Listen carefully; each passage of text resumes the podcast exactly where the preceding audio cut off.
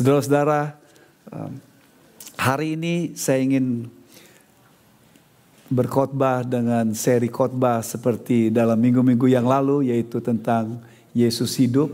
Yesus sudah bangkit dari antara orang mati dengan tema khusus yaitu bagaimana mengalahkan uh, sinful habit kita, dosa, kebiasaan dosa kita.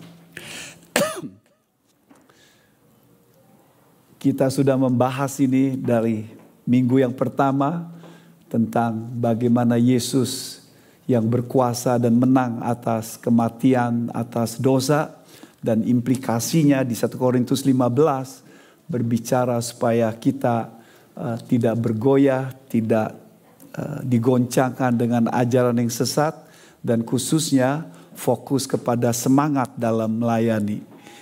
Minggu kemarin kita berbicara tentang Yesus yang bangkit lalu kemudian mempengaruhi kebaktian kita tiap hari Minggu supaya kita berbakti dengan pola pikir theological thinking bahwa Yesus sudah bangkit menjamah mengubah kualitas isi daripada uh, kebaktian kita. Saudara-saudara, hari ini fokus kepada dosa, saudara-saudara. Fokus kepada sinful habit, kebiasaan-kebiasaan dalam hidup kita. Setiap kita akan bergumul seumur hidup dengan dua atau tiga habit saudara dalam kehidupan saudara. Dan kalau saudara menikah, saudara tanya sama istri saudara, tanya sama suami saudara, dia pasangan saudara akan menyebutkan dengan pasti. Ada satu, dua hal yang memang eh, menjadi bagian gaya hidup yang harus dikalahkan, yang kadang-kadang harus diampuni dan diterima, lalu kemudian biar Tuhan terus menjamah, mengubahnya. Riset menunjukkan bahwa banyak orang Kristen ada masalah oleh karena tiga sebab. Satu, oleh karena kurang keyakinan keselamatan, dia tidak tahu apakah dia sudah selamat percaya Yesus atau belum, tidak yakin keselamatannya dalam Tuhan kita Yesus Kristus, dia hanya ikut-ikutan, ke gereja, tapi dia tidak jelas siapa Yesus yang mati di kayu salib dan bangkit, ragu-ragu tentang keselamatannya. Itulah sebabnya banyak sekali orang pindah, pindah agama atau pindah ke ajaran yang lain oleh karena dan ngakunya Kristen tapi sebenarnya belum Kristen karena tidak mengerti kekristenan yang sesungguhnya. Yang kedua adalah bicara soal masalah, masalah kehidupan, masalah membuat kita terhempit apalagi dengan suasana COVID-19 di mana kita bergumul tidak tahu tentang kepastian, tidak tahu tentang hal-hal ke depan, lalu kemudian soal pekerjaan, soal sakit, soal sesuatu terjadi dalam kehidupan kita, soal keadaan yang uh, di luar daripada kontrol kita dan mungkin kesehatan kita, masa depan kita atau apa saja, tapi itu banyak kasus masalah yang membuat akhirnya orang Kristen undur oleh karena masalah begitu menghempit, besar, overwhelm, lalu kemudian dia tidak bertumbuh imannya. Yang ketiga adalah masalah dosa. Dosa membuat orang Kristen tidak bertumbuh oleh karena dosa dibiarkan Dosa rektor saya berkata bahwa itu seperti kalau dibiarkan seperti kodok yang mati dengan di air panas. Kalau saudara membunuh kodok katanya masukkanlah di air yang panas lalu kemudian dimasak air yang panas itu buat mendidih. Dan dia merasa enak dan dia tidak akan untuk lompat ke sana kemari. Karena hangatnya air, lalu kemudian makin lama, makin lama, makin mendidih. Dan ketika dia mendidih, lalu kemudian up membunuh. Dan dosa seperti itu saudara-saudara. Makin lama, makin lama.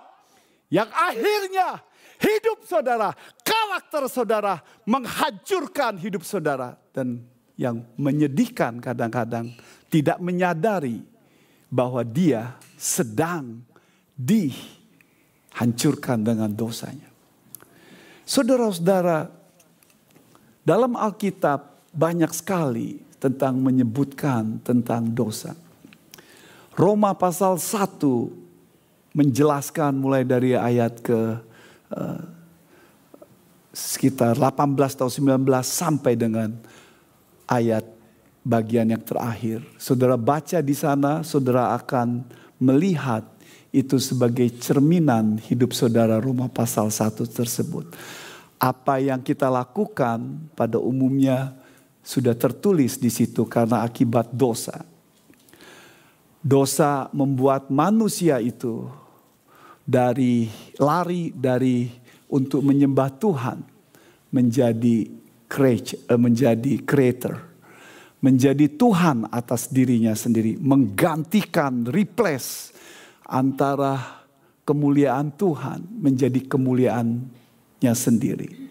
Dengan kata lain, dosa membuat diri kita apa yang saya lakukan, apa yang saya inginkan, apa yang saya pikir baik, apa yang saya rasa baik, itu saya lakukan. Atau bahasa kita sekarang adalah I am the boss untuk diri saya sendiri. Dan generasi sekarang kebanyakan banyak yang seperti itu. Tidak dengar nasihat, tidak dengar apa yang dikatakan oleh prinsip-prinsip yang diajarkan uh, firman Tuhan, tapi kemudian tergoda dengan this is what I want. Ini yang saya pilih, ini yang I feel good, ini yang saya mau lakukan.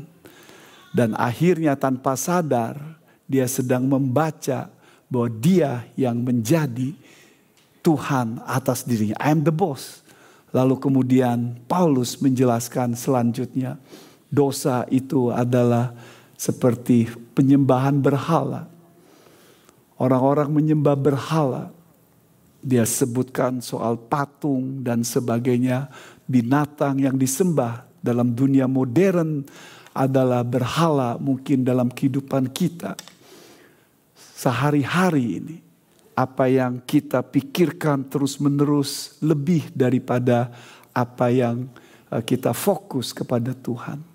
Mungkin hobi, kebiasaan, mungkin nonton Netflix uh, atau film Korea atau film seri atau main HP begitu banyak main HP uh, Facebook Instagram bisa 4-5 jam tapi baca firman tidak banyak sama sekali.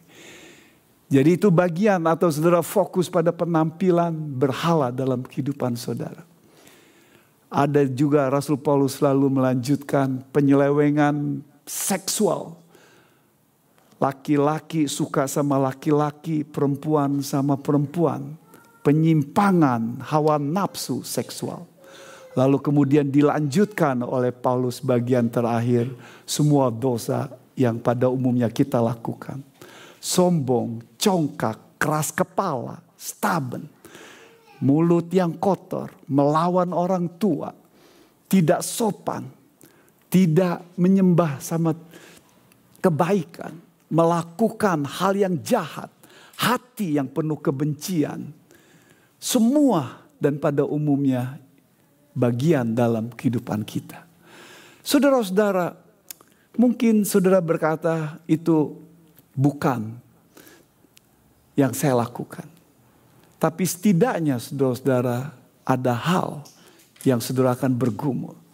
Ketika saya menikah, saya sudah lulus sekolah teologi, saya sudah dosen pengkhotbah dan saya sudah pendeta. Sudah melayani Tuhan sebagai gembala sidang dan jadi dosen juga. Dan diundang ke sana kemari untuk KKR. Ketika menikah, istri saya berkata, sudah berapa hari menikah? Dia berkata, kamu kelihatannya baik, dikenal baik di sekolah mahasiswa dan dikenal baik. Bahkan kamu juga lulusan teladan. Tapi kamu tiga hal. Satu, kamu pemarah. Kedua, kamu nggak suka, uh, kamu nggak tahu saya perempuan. Ketiga, kamu kasar. Katanya. Saya berkata, no saya enggak seperti itu. Semakin saya mempertahankan diri, semakin ribut terus menerus. Dan pernah suatu kali istri saya menangis, saya berkata, air matamu tidak menyelesaikan masalah kita. Mari kita diskusi. Saya ngomong gitu, tambah nangis sih semua. Saya bilang, jangan nangis. Mari kita selesaikan. Tambah nangis lagi nih. Memang saya tidak mengerti perempuan waktu itu, saudara-saudara. Jadi suami-suami, laki-laki yang saudara tidak mengerti perempuan, habis ini saya ceramain sebentar. Saya sudah pengalaman 36 tahun belajar sesudah itu. Saudara-saudara, saya tidak sempurna. Dan saya tahu saya bergumul hal-hal yang dikatakan itu. Dan saya belajar terus menerus melakukan seperti itu. Hari ini mungkin ada di antara saudara yang datang. Mungkin saudara bergumul dengan kemarahan. Saudara dengan kepahitan, dengan kebencian. Mungkin bergumul dengan pornografi. Mungkin bergumul dengan orang yang kalah dengan masalah. Menggerutu kesel. Atau saudara orang yang cepat sekali untuk ngomong dan tidak dipikirkan dengan baik. Atau saudara orang yang cepat tersinggung. Yang fragile sekali. Yang membuat saudara berkata, saya tapi tetap dalam pelayanan, tetap datang ke gereja anak Tuhan. Atau ada hal yang lain yang saudara bergumul dalam kehidupan saudara. Selfish, egois, pelit. Atau suka menggosipkan, menjatuhkan. Atau iri hati. Saudara-saudara itu bagian daripada kehidupan. Hari ini saya ingin mengajak saudara memikirkan firman Tuhan yang klasik, yang basic saya bergumul untuk menyampaikan kebenaran firman Tuhan ini apa dari Efesus, apa dari Kolose. Tapi saya kembali kepada Roma saja yang basic, yang uh, menyegarkan kita. Saya suka menghafal bagian-bagian ini. Kalau saudara ada kesempatan, bacalah terus-menerus dan hafal bagian ini dengan baik saudara-saudara. Roma pasal 6 ayat 5 sampai 14 kita akan bahas bagaimana kita bisa mengalahkan sinful habit saudara-saudara. Coba dengar baik-baik dan perhatikan apa yang dikatakan nats kita dan apa yang bisa kita terapkan secara praktis. Ketika saudara berkata bagaimana saudara perhatikan baik-baik ini bukan solution 1, 2, 3 dan 4 dan 5 yang harus dilakukan tapi Paulus memberikan setidak-tidaknya dua garis besar yang simple, yang sederhana, tetapi itu penuh dengan makna dan penuh dengan hal yang sangat membesarkan hati kita. Yang pertama, saudara-saudara, how kita, bagaimana kita mengalahkan dosa kita. Yang pertama, the victory in defeating our sinful habit because what Jesus has done for us. Kemenangan dalam mengalahkan kebiasaan dosa kita karena Yesus sudah memberi kemenangan bagi kita. Fokus kepada apa yang Yesus sudah lakukan untuk kita. Jadi kita sedang berbicara bahwa fokus kepada Yesus yang sudah melakukan karyanya di kayu salib. Dia sudah mati, dia sudah bangkit untuk kita. Dan itu fokus sentralnya. Bukan kita melakukan supaya kita berkenan pada Tuhan, supaya kita bisa menang. Tetapi apa pergumulan kita itu sudah dilakukan oleh Yesus, sudah diberi kemenangan kepada Yesus Kristus melalui Yesus Kristus untuk kita. Jadi ini poin yang pertama yang harus kita mengerti supaya saudara tidak berusaha untuk melakukan dengan kekuatan saudara, saudara tidak melakukan dengan berpuasa, melakukan dengan segenap determinasi saudara, dengan jerih payah saudara, dengan melakukan dengan berkata ini yang saya melakukan habit supaya saya melakukan ini supaya saya bisa menang mengalahkan kebiasaan-kebiasaan yang tidak bagus dalam hidup saya. Saudara-saudara, nats kita tidak menjanjikan seperti itu.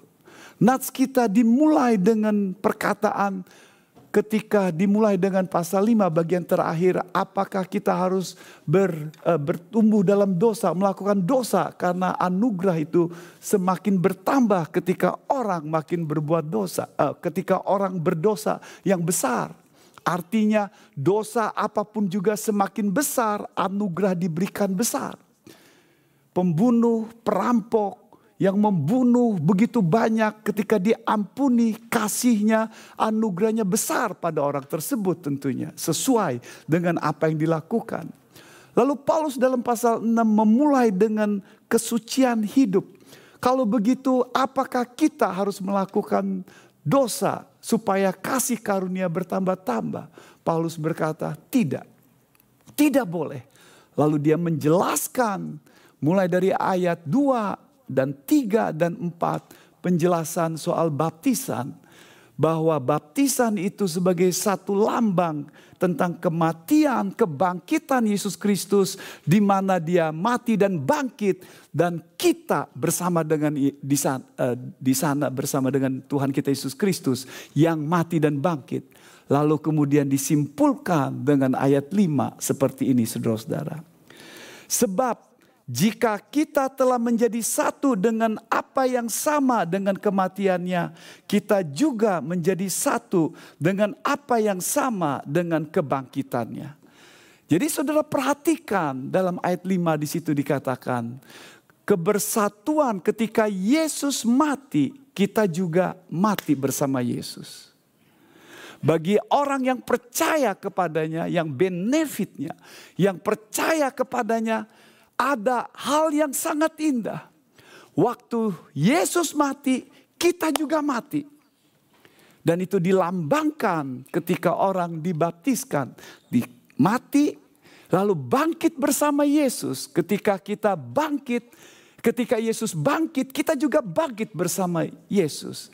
Dan ini dalam teologi namanya unity in Christ, bersatu dalam Kristus ada kesatuan, ada union bersama dengan Kristus. Oneness bersama Kristus ketika Yesus mati, dengar baik-baik saudara-saudara. Yesus mati, kita juga sudah mati bersama dengan dia. Ketika Yesus bangkit, kita juga bangkit. Ini yang mau ditekankan saudara-saudara dari ayat 6 sampai dengan ayat ke-11. Ini yang mau ditekankan saudara-saudara. Yang mau ditekankan adalah simple sederhana. Mati bersama Yesus dan bangkit bersama Yesus. Untuk menjelaskan tersebut, lalu Paulus menjelaskan lagi dengan ayat 6 sampai ke 10, lalu dia pisahkan ayat 11 sendiri.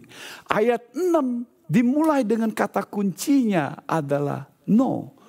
Mengetahui ayat 6. Mengetahui no. Bentuk yang dipakai di situ bentuk participle jadi menunjukkan bisa diterjemahkan dengan knowing atau kadang-kadang bisa juga we know. Jadi terjemahan dipakai di situ itulah sebabnya pakai kita tahu. Karena kita tahu jadi bukan pakai perasaan, fakta, tahu. Sungguh-sungguh ini sudah terjadi, bukan dongeng, sudah terjadi. Kita tahu bahwa manusia lama kita telah turut disalibkan supaya dosa kita hilang kuasanya agar jangan kita menghambakan diri lagi kepada dosa. Sebab siapa yang telah mati, ia telah bebas dari dosa. Jadi, jika kita telah mati dengan Kristus, kita percaya bahwa kita akan hidup juga dengan Dia, karena kita tahu bahwa Kristus sesudah ia bangkit dari antara orang mati tidak mati lagi, mau tidak berkuasa lagi atas dia, sebab kematiannya adalah kematian terhadap dosa satu kali dan untuk selama-lamanya, dan kehidupannya adalah kehidupan bagi Allah. Jadi Paulus menjelaskan dari ayat 6 sampai 10 soal kematian dulu kita tahu bahwa ketika Yesus mati, keakuan kita, manusia lama kita, itu juga sudah mati. The all self, manusia lama, itu sedang berbicara bukan karakter-karakter dosa, saudara-saudara. Sedang bicara bahwa manusia lama itu ada hakikat dosa. Dan hakikat dosa itu dikatakan sudah dikalahkan.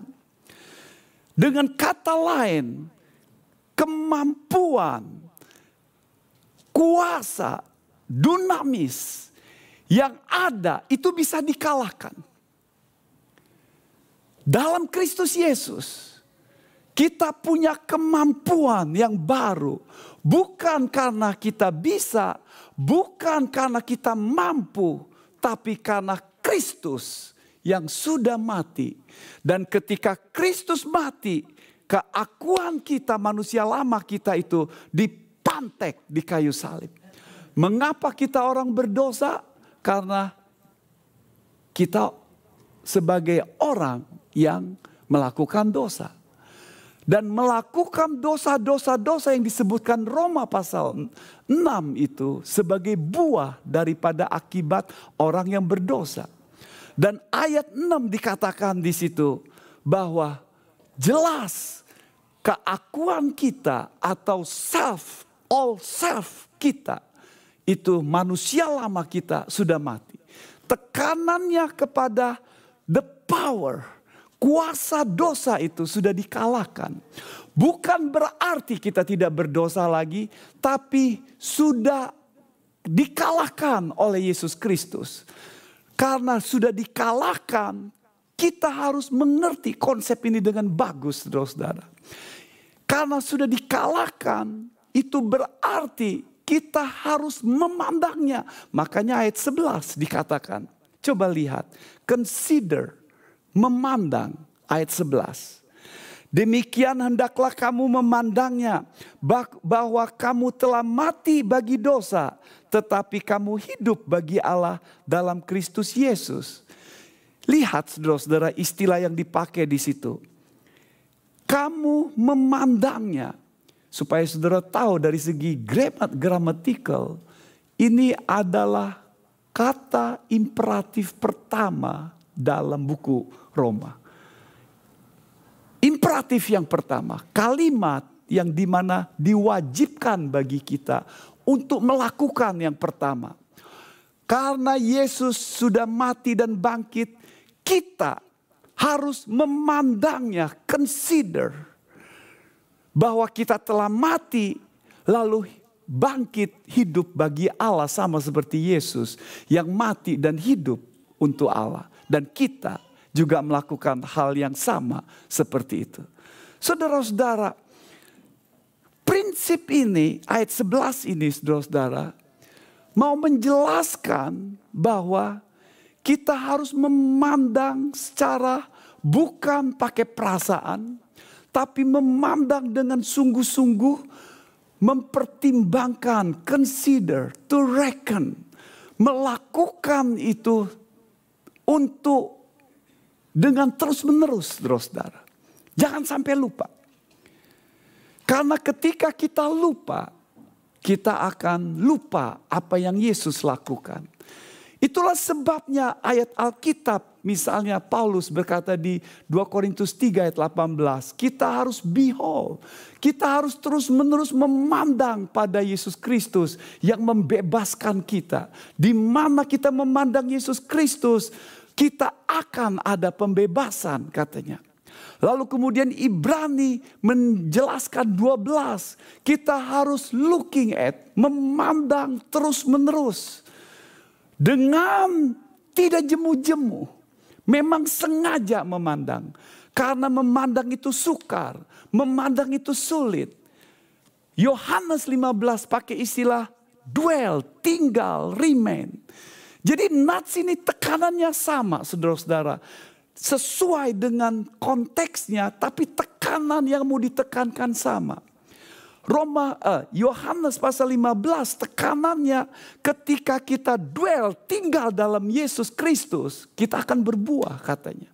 Berbuah lebat sifat dan karakter kita. Ibrani pasal 12 ketika kita memandang terus menerus. Kita ada kekuatan, ada kemenangan di tengah struggling, pertandingan yang kita harus lakukan. 2 Korintus 3 ayat 18 ketika kita memandang pada Yesus Kristus. The cross terus menerus. Kita akan serupa dengan dia diubah. Seperti Yesus Kristus. Dan ayat ini Paulus mau mengatakan dalam konteks mengalahkan dosa. Ketika kita memandang, memperhatikan, mempertimbangkan, memikir secara serius. Istilah ini dipakai untuk menunjukkan ketika Abraham misalnya kata yang sama dasarnya. Ketika Abraham disuruh untuk mengorbankan anaknya. Lalu kemudian dia melakukan untuk menyembelih anaknya sebagai korban bakaran. Ibrani pasal 11 berkata, Abraham taat karena dia memconsider, dia reckon. Terjemahannya sama dari bahasa aslinya sama. Dia consider memandang apa yang dia pikirkan. Kalau Ishak nanti mati, Allah akan membangkitkan lagi. Itu saudara-saudara. Jadi dia punya keyakinan yang kokoh. Dengan consider, memandang, mempertimbangkan. Lalu kemudian dia mempunyai keyakinan dalam kehidupannya. Nats kita seperti itu saudara-saudara. Kita mempertimbangkan, memandang terus menerus bahwa Yesus sudah mati dan saya sudah mati lalu bangkit bagi Allah. Ini prinsipnya saudara-saudara.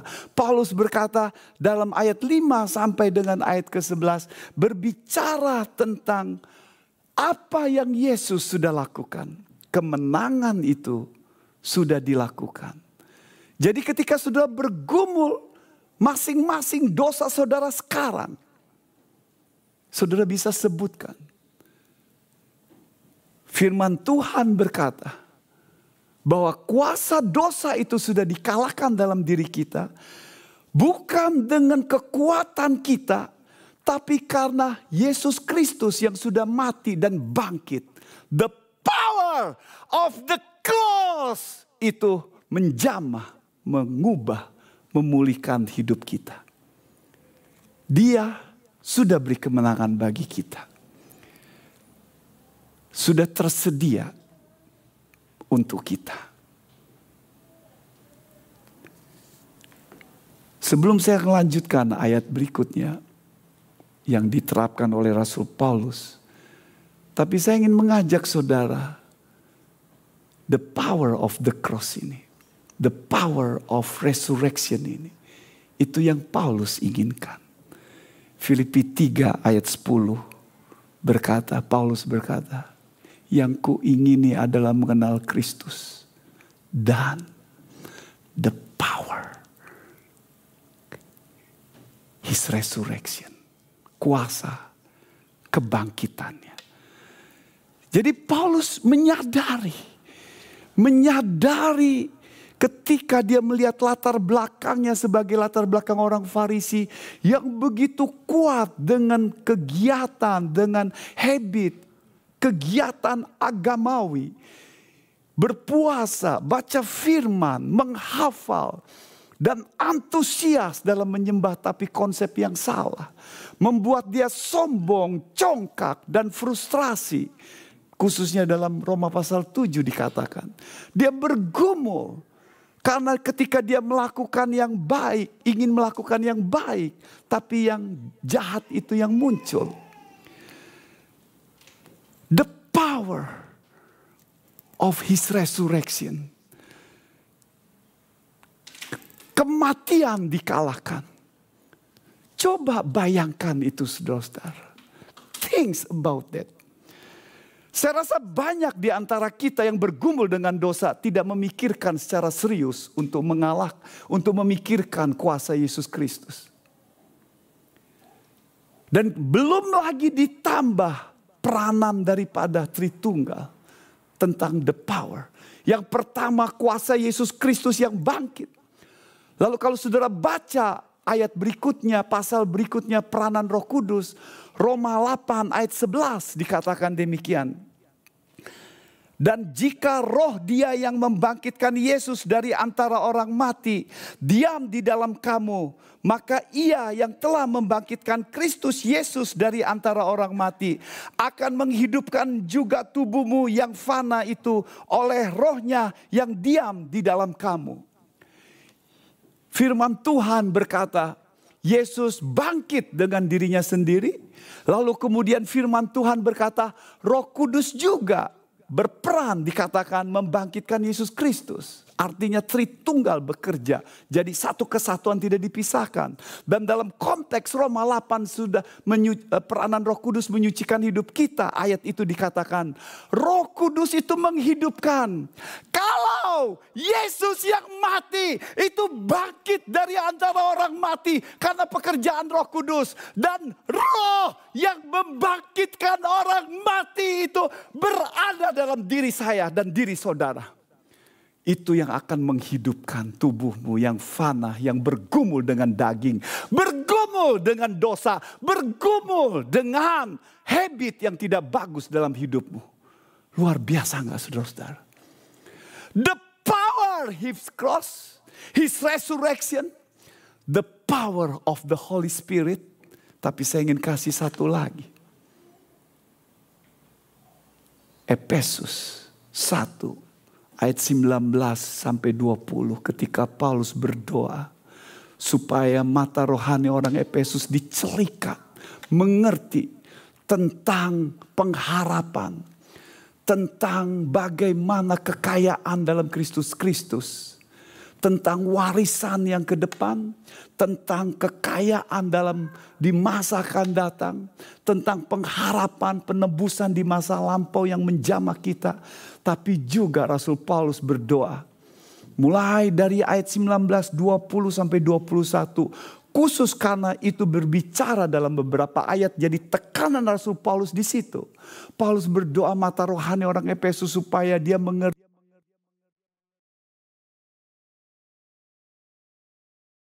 kuasa Allah, the power of God yang membangkitkan Yesus yang mati, yang mendudukkan Yesus duduk di sebelah kanan Allah, yang artinya dia sehakikat dengan Allah. Lebih tinggi daripada raja penguasa sehakikat di mana pun juga, siapa pun juga. Artinya dia sekarang sebagai raja di atas segala raja. Nanti akan datang. Dia berkuasa semua akan bertekuk lutut di hadapannya. Dan kuasa itu dilakukan, dikatakan Allah yang melakukannya. Dengan membangkitkan Yesus Kristus dari antara orang mati. Dan nats kita berkata, dengar baik-baik saudara. Kuasa Allah itu ada di dalam kamu. In you. The power is in you. Saya tidak berkata bahwa pri, tidak ada pribadi. Tapi pribadi itu membawa power saudara-saudara. Pribadi Tritunggal, kebangkitan Yesus Kristus. Pekerjaan roh kudus dalam diri kita. Pekerjaan Allah Bapa yang ada dalam diri kita. Itu menyegarkan hidup saudara dan saya. Hebat bukan saudara-saudara. Tapi kebanyakan orang Kristen kalah. Kenapa? Karena latar belakang saudara. Man is a habit creature. Manusia itu ciptaan yang punya habit, yang punya kebiasaan. Lihat hidup saudara. Cara orang tua saudara membesarkan saudara. Cara saudara besar.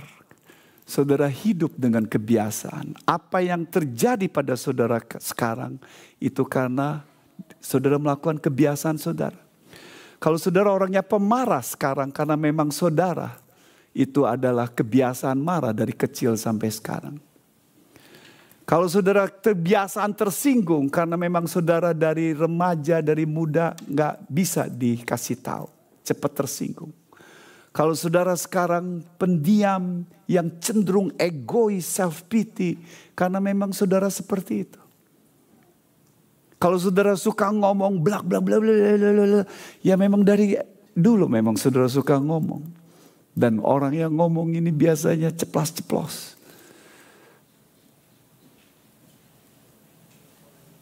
Dan kadang-kadang menyakiti orang. Tapi ketika dia diceplosin dia nggak mau. Kalau saudara sekarang ini karena ada kebiasaan-kebiasaan, memang saudara melakukan itu sudah lama. Dan ketika saudara ikut Yesus Kristus, kebiasaan itu masih ada.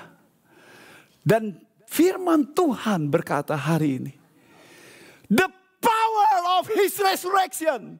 Itu mampu mengalahkan you habit saudara-saudara. Itu good newsnya. Itu yang luar biasanya. Menang.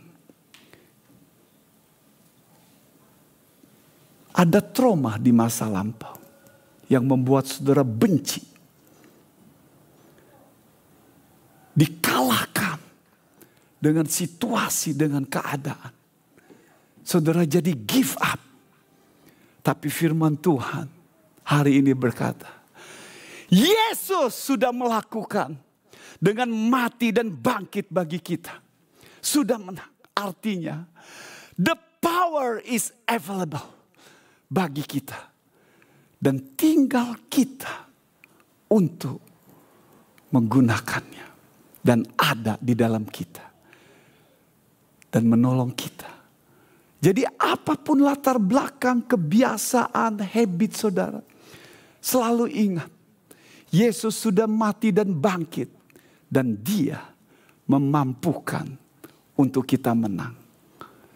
Lalu Paulus menerapkan dengan prinsip yang kedua yang simple sederhana tapi terus dihidupkan bagi kita. Yang kedua Paulus berkata demikian defeating our sinful habit by present yourself to God.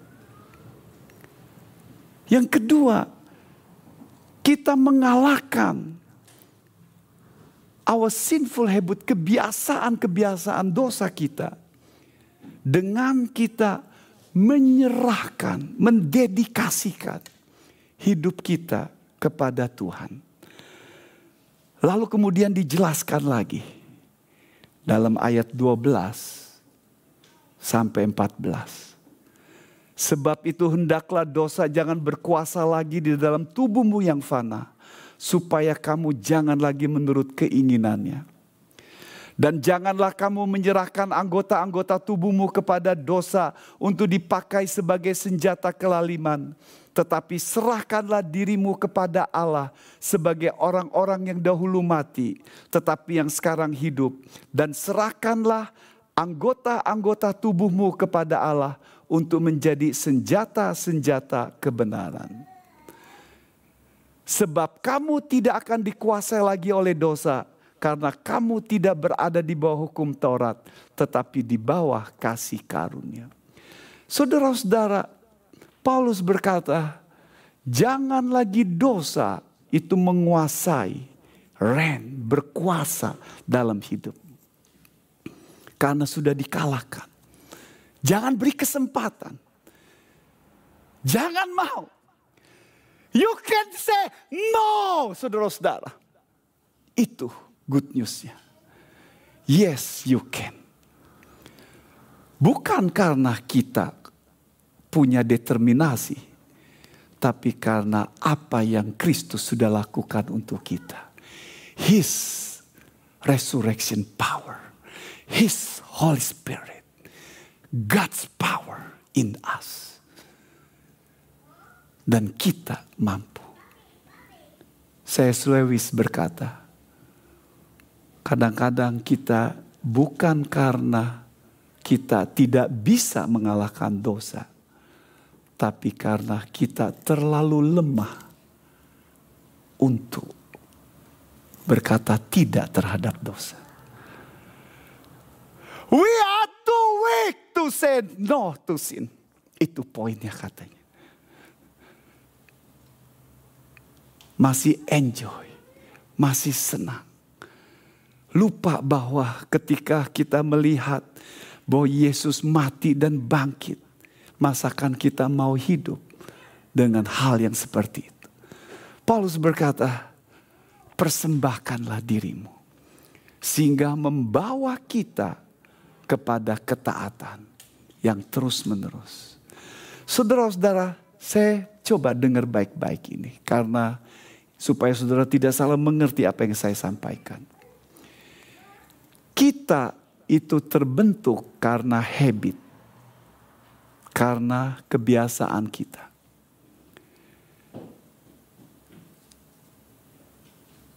Kristus, dalam Kristus kita jadi ciptaan baru. Dalam Kristus kita sebagai anak Tuhan. Kita mulai dengan sesuatu yang baru. Kita mengenakan apa yang Kristus yang sudah kita ingin lakukan. Dan sebagai anak Tuhan, kita memulai sesuatu yang baru, saudara-saudara. Menjadi karakter seperti Kristus itu proses. Kalimat yang dikatakan dalam ayat 12-14 ini, semuanya kata kerjanya itu dalam bahasa aslinya itu berbentuk imperatif Imperatif dan present. Coba dengar baik-baik saudara-saudara. Imperatif itu kalimat perintah yang harus dilakukan. Yang kita memang tidak tergantung situasi, perasaan Anda atau waktu Anda. Ini yang harus dilakukan. Tidak tergantung umur. Ini yang harus dilakukan dengan joy, dengan ketaatan. Yang kedua, pada umumnya itu bentuk present. Kata waktunya itu present, artinya sekarang.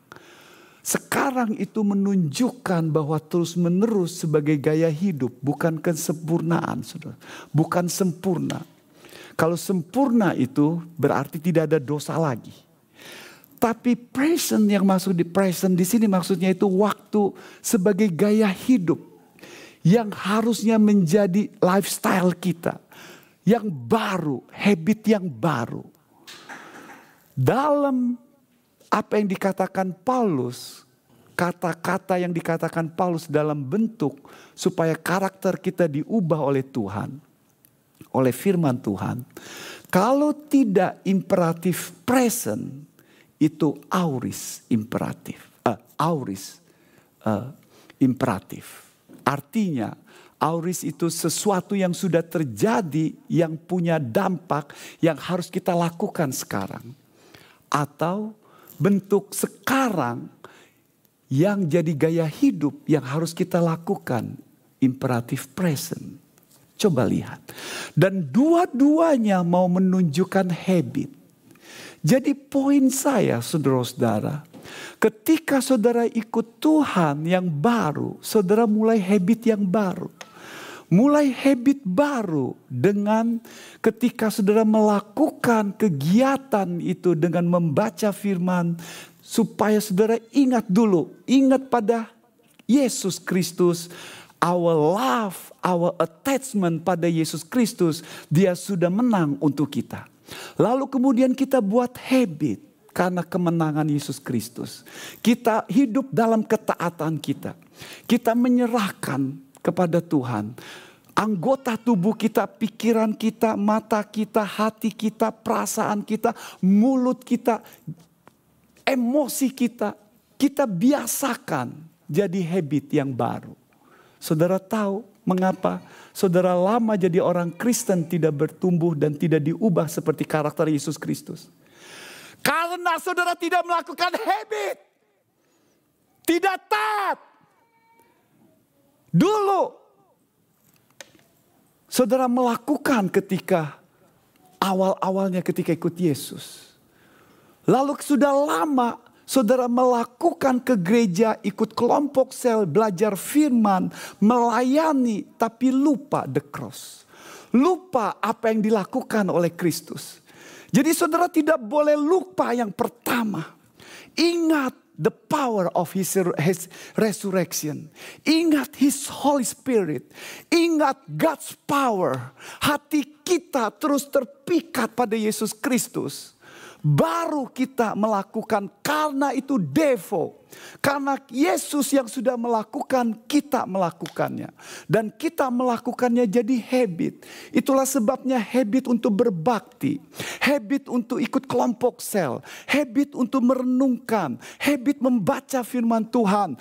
Habit ada karakter dan sifatmu yang harus diubah, dijama oleh Tuhan. Dan berkata, ya saya mau diubah sadar kelemahan saudara. Dan ketika saya ketika saya ada momen ketika tahun 85 itu saya menangis. Saya tidak kompromi. Saya tidak mempertahankan diri saya. Saya tidak lagi memikirkan tentang latar belakang papa saya yang memang nggak jadi khususnya bagus sebagai orang tua yang memberikan banyak hal tapi bukan figur Bapak dari segi karakter. Dan saya lupakan itu semua yang sudah bercokol lama. Dan saya lihat Yesus Kristus yang sudah menang dan memulai habit yang baru dalam hidup saya. Untuk apa artinya ramah? Apa artinya mendengar dengan baik? Apa artinya mengerti sang wanita? Apa artinya mengasihi istri dengan unconditional love, dengan memberikan hati kita, memberikan jiwa kita, memberikan kesetiaan kita, memberikan caring padanya, mendengar, listen well to her heart. Dan itu terjadi perubahan. Jadi habit. Proses. Terus menerus. Dan ketika kita melakukan itu Jangan mau hidup dalam hukum Taurat, kata firman Tuhan. Ayat 14. Kenapa saudara-saudara? Karena banyak orang Kristen yang hidupnya, yang harusnya hidup karena kasih karunia, sudah diselamatkan oleh karena kasih karunia. Tapi masih pengen hidup dengan gaya hukum Taurat. Ayat 14 berkata, sebab kita tidak hidup dalam bawah hukum Taurat. Maksudnya apa saudara-saudara? Maksudnya adalah dalam kita bertumbuh seperti itu. Jangan mau terbawa dalam hukum Taurat. Artinya hukum Taurat itu firman Tuhan berkata Galatia dikatakan bahwa itu Taurat itu hukum itu seperti mengaca. Mengaca. Sekitar kita mengaca lalu kita lihat kejelekan kita yang ada tidak bagus.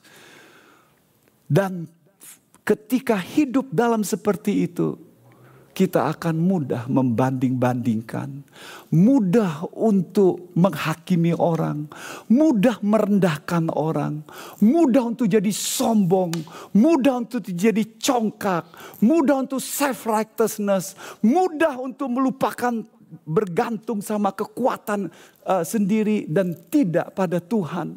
Mudah bagi kita menyalahkan orang lain, blame others. Hidup bawah hukum Taurat seperti itu. Blame others, blame sana sini.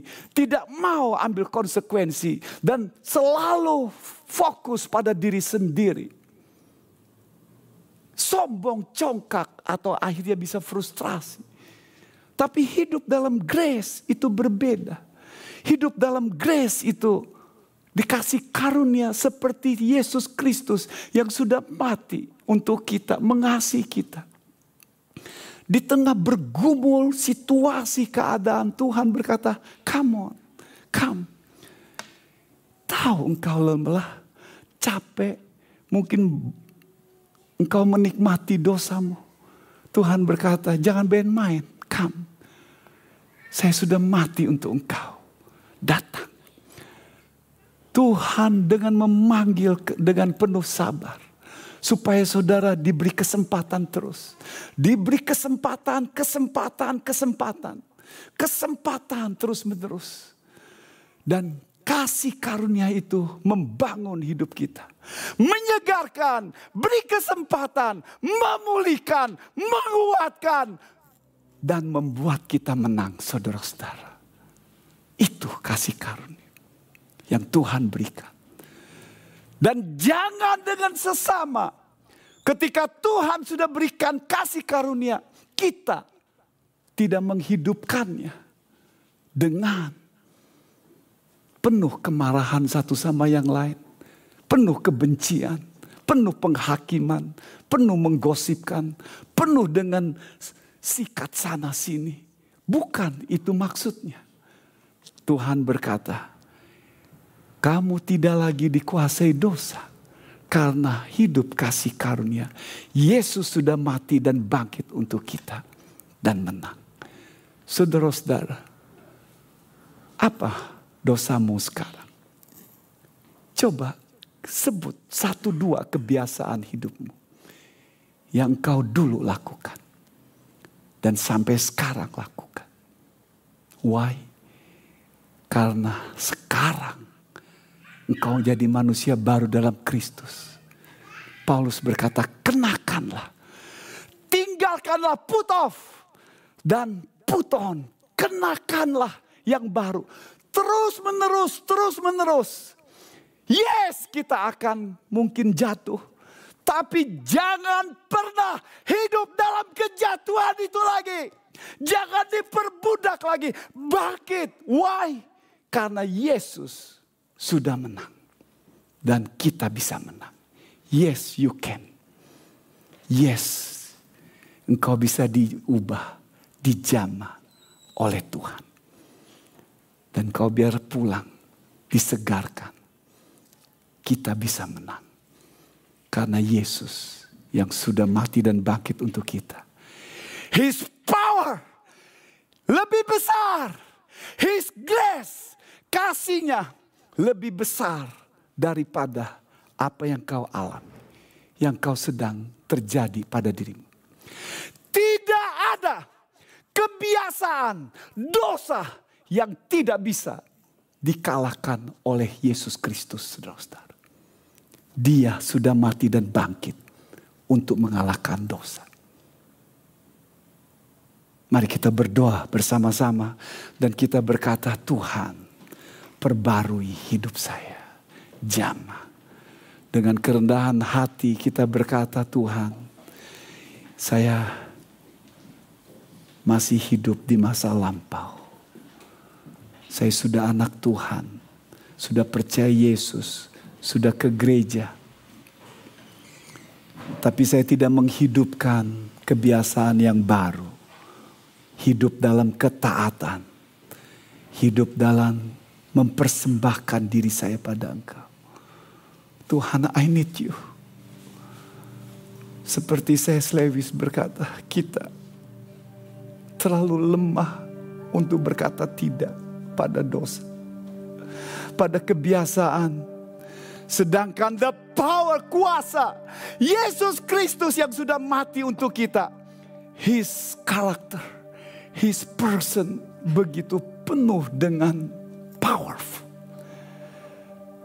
Dan itu tersedia untuk saudara. Untuk hidup dalam ketaatan.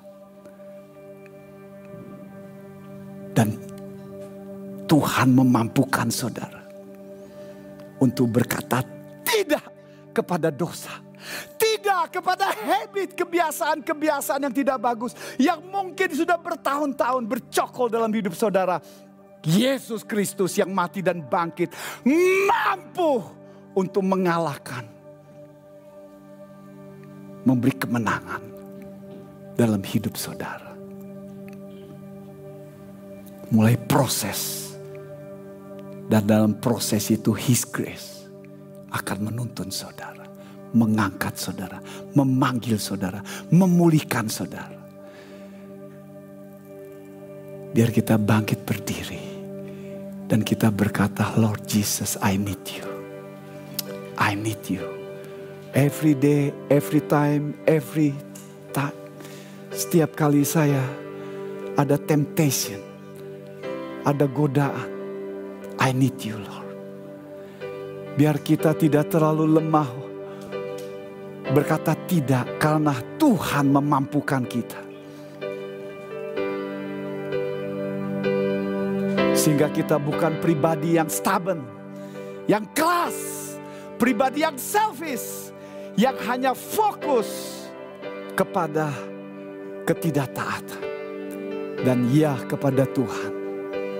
Tapi kita mau diubah.